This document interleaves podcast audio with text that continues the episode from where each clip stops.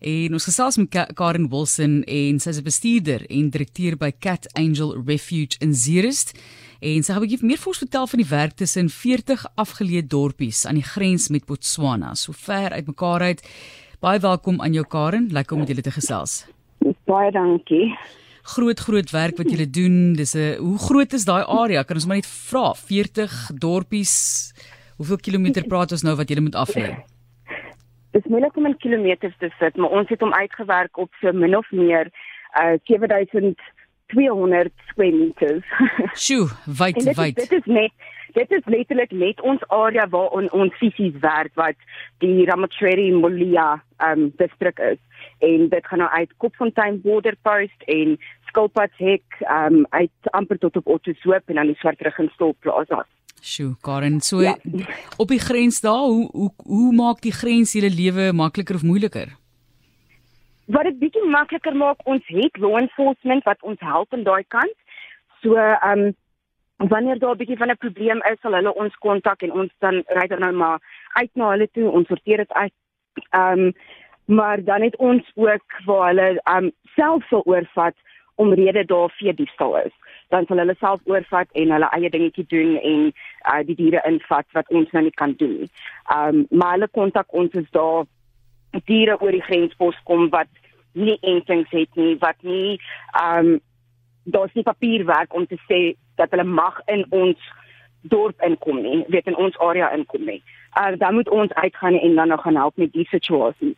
Maar ehm um, ja, hulle doen hulle eie dingetjie daarso, ehm um, maar hulle sal ons definitief val as ook uh, weer probleme is.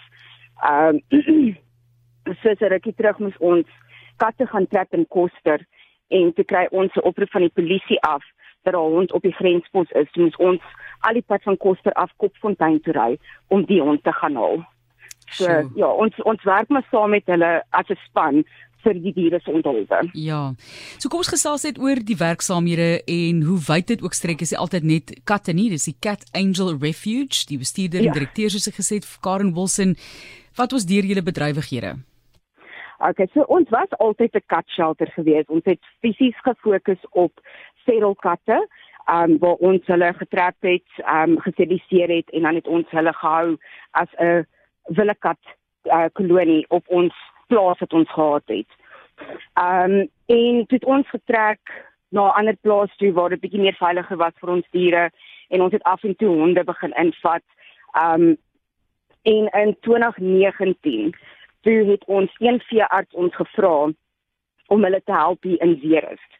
En en sy het ook 'n paar goed gesien terwyl sy staatsveearts was en ja, toe het ons hier begin werk en ons het die nood hier gesien. Uh iemand het ons gevra om 'n kat in te vat en ons het hulle gevra gee ons net 'n dag of twee. Ons moet net spasie maak ons was nie oop admission shelter nie, ons was 'n two admission. En hulle het die kat tussen Biermansdrift en Zeerust uit die kar uitgegooi O, oh, jene. en ons kon nie die kat kry nie. En dit is waar ons besluit het ons is open admission.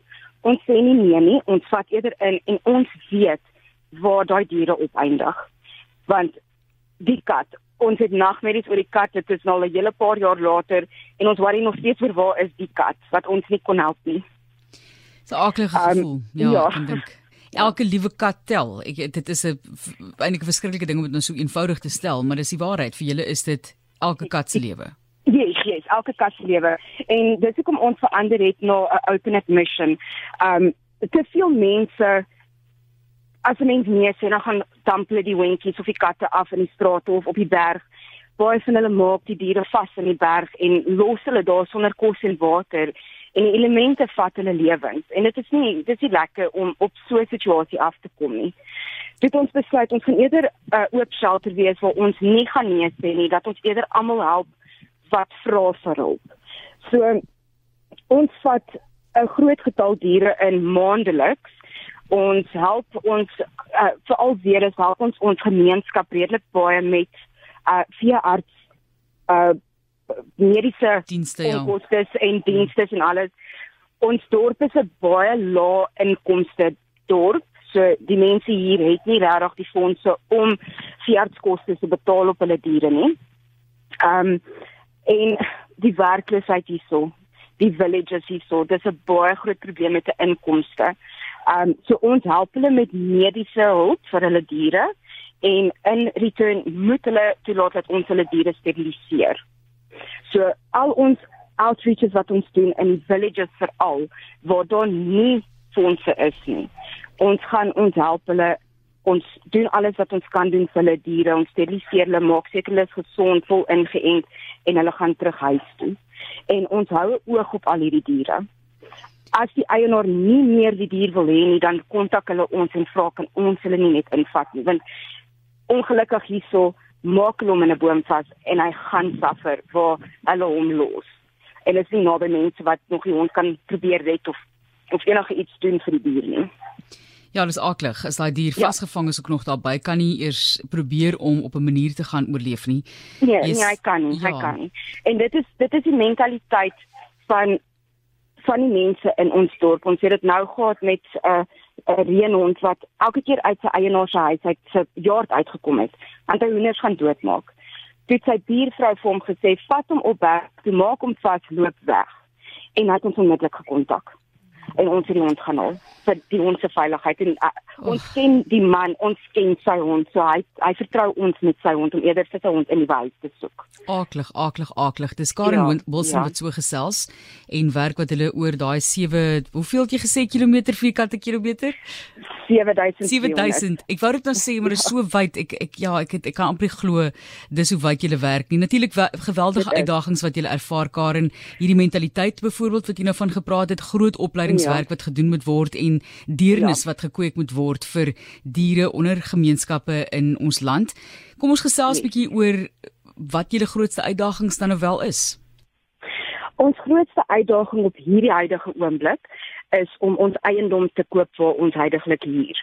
As ons teen die einde van Oktober nie die fondse het nie, moet ons ongelukkig ons deure sluit want daar's nêrens anders waar ons kan gaan en weer ken of opsit en al daai goedjies nie.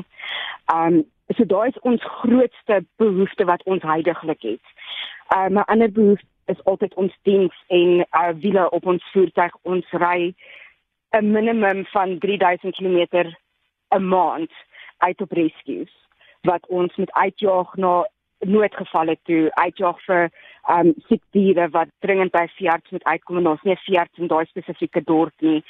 Ehm um, mense wat ons vra asseblief kom haal my diere, ons kan nie meer na hulle kyk nie. Dit dit is distansies wat ons ry so Swartrug en Skoster Derby, daai areas wat ons ook nou nog ehm um, diens wat nie regtig ons areas is om te werk nie. Ehm um, en dan ons laaste behoefte is natuurlik ons mediese onkoste. Ons een veearts skuld ons amper 15000 en sy is amazing sy is altyd daar vir ons na ure sonndagmiddag sy maak oop as ons 'n noodgeval het. Um en dan natuurlik is ons mamma altyd kos vir die honde en die ou katte wat wat in ons sorg is.